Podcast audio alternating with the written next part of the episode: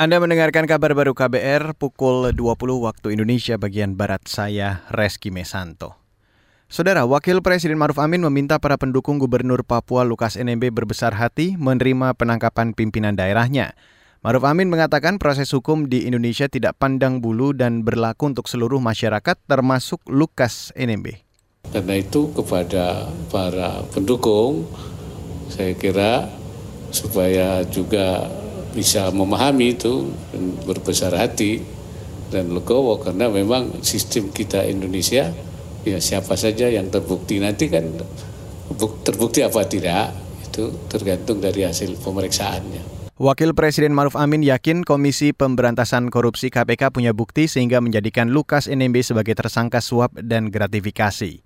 Hari ini usai menjalani perawatan sementara di RSPAD Gatot Subroto, Lukas NMB dibawa ke gedung KPK guna menjalani pemeriksaan. Pemeriksaan dilakukan setelah penyidik KPK mendapat izin dari tim medis. Beralih ke Jawa Timur, Saudara, Pengadilan Negeri Surabaya akan menggelar sidang lima tersangka kasus tragedi Kanjuruhan pada Senin pekan depan.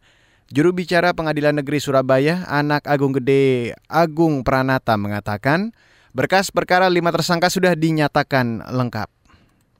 Jadi pada prinsipnya untuk sidang lanjutan dimulai hari Senin 16 Januari 2023 jam 10 pagi di gedung Cakra. Cakra. Secara video call. Uh, online. Online. Online. Online. online.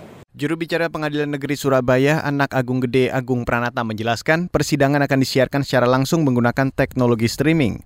Para wartawan dilarang melakukan peliputan secara langsung di dalam ruang persidangan dan jumlah pengunjung akan dibatasi. Tragedi Kanjuruan terjadi di Stadion Kanjuruan, Malang, Jawa Timur pada 1 Oktober lalu. Tragedi mengakibatkan 135 korban meninggal dan hampir 600 korban luka. Kepolisian menetapkan lima tersangka, yaitu satu panitia pelaksana pertandingan, satu petugas keamanan serta tiga anggota polisi dari Polres Malang dan Polda Jawa Timur. Satu tersangka lain yaitu bekas Direktur PT Liga Indonesia Baru Ahmad Hadian Lukita dilepaskan dari tahanan Polda Jawa Timur pertengahan Desember lalu karena berkas perkara belum lengkap sedangkan masa penahanannya sudah habis. Dari Jawa Tengah, sejumlah perangkat desa di Kabupaten Rembang, Jawa Tengah siap berunjuk rasa ke Jakarta. Mereka menolak rencana masa jabatan perangkat desa disamakan dengan kepala desa. Informasi selengkapnya kita bergabung bersama reporter radio jaringan. Ada Musyafa dari Radio R2B Rembang. Musyafa. Perangkat desa di Kabupaten Rembang menolak wacana masa jabatan perangkat desa disamakan dengan jabatan kepala desa nantinya 9 tahun setiap periode. Seorang perangkat desa Karasgede Kecamatan Lasem, Muarsono, menyatakan perangkat desa bukan jabatan politik seperti halnya kepala desa.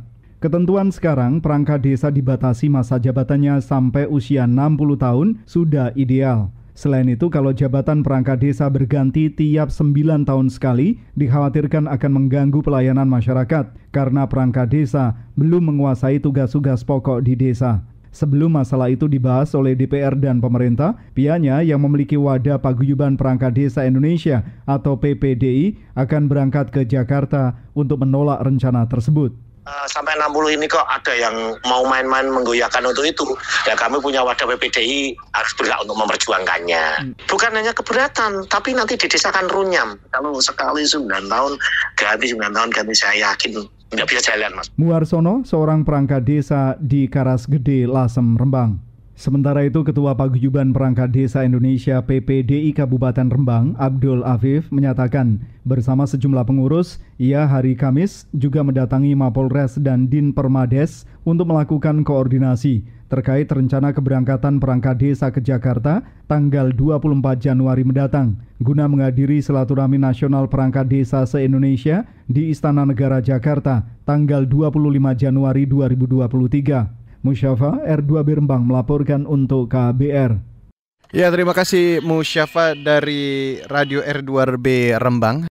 Dan saudara, demikian kabar baru saya Reski Mesanto.